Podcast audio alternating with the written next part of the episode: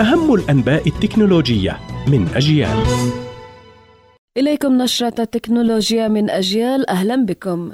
شركة أدوبي تعلن إدماج تقنية الذكاء الاصطناعي في برنامج فوتوشوب مقللة من المخاوف التي تؤدي إلى خسارة البشر لوظائفهم وانتشار الصورة المزيفة. وقالت عملاقة البرمجيات الأمريكية إن فوتوشوب المرتبط بتحرير الصور سيضم خدمة الذكاء الاصطناعي التوليدي Adobe Firefly التي أطلقت منذ ستة أسابيع بصورة تجريبية لتساعد البشر في التصميم وليس لتحل محلهم. وتوفر ميزة التعبئة التوليدية لمستخدمي فوتوشوب الإضافة إلى الصور أو توسعتها أو إزالة العناصر غير المرغوب فيها باستخدام التوجيهات النصية على غرار تلك التي يستخدمها نموذج دل إي من شركة أبحاث الذكاء الاصطناعي أوبن إي آي.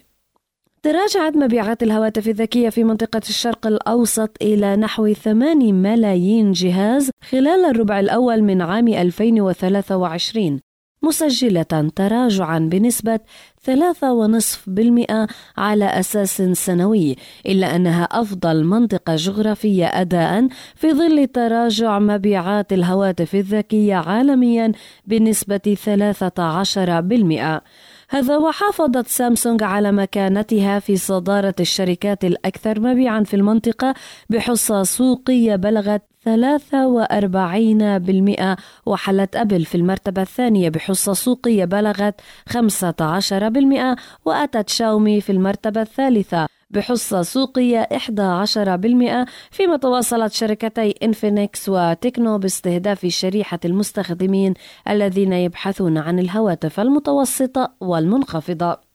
شركة هواوي تطلق هاتفها الذكي نوفا واي 91 والذي يمتاز بشاشة كبيرة من نوع LCD IPS ومواصفات متوسطة مع تصميم دائري لامع للكاميرات الخلفية التي يحيطها حلقة ذهبية. من ميزات الهاتف بطارية ذات سعة 7000 ملي أمبير وتقول الشركة إنها تدوم حتى 29 ساعة متواصلة من مشاهدة الفيديو على الهاتف. تدعم الشحن السريع وعلما أن الهاتف يحتوي على منفذي C من أجل الشحن ونقل البيانات.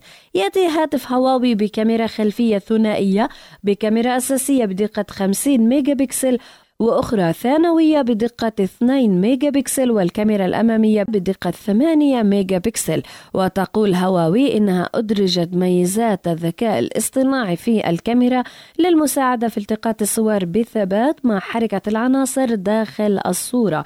كما يمكن تصوير الفيديو باستخدام الكاميرا الأمامية والخلفية في آن واحد وتجدر الإشارة إلى أن هاتف هواوي الجديد يوجد فيه مستشعر بصمات في زر التشغيل بجانب الهاتف. هذا ما كان لدينا في نشرة التكنولوجيا من أجيال لليوم. قرأت عليكم ميسم البرغوثي.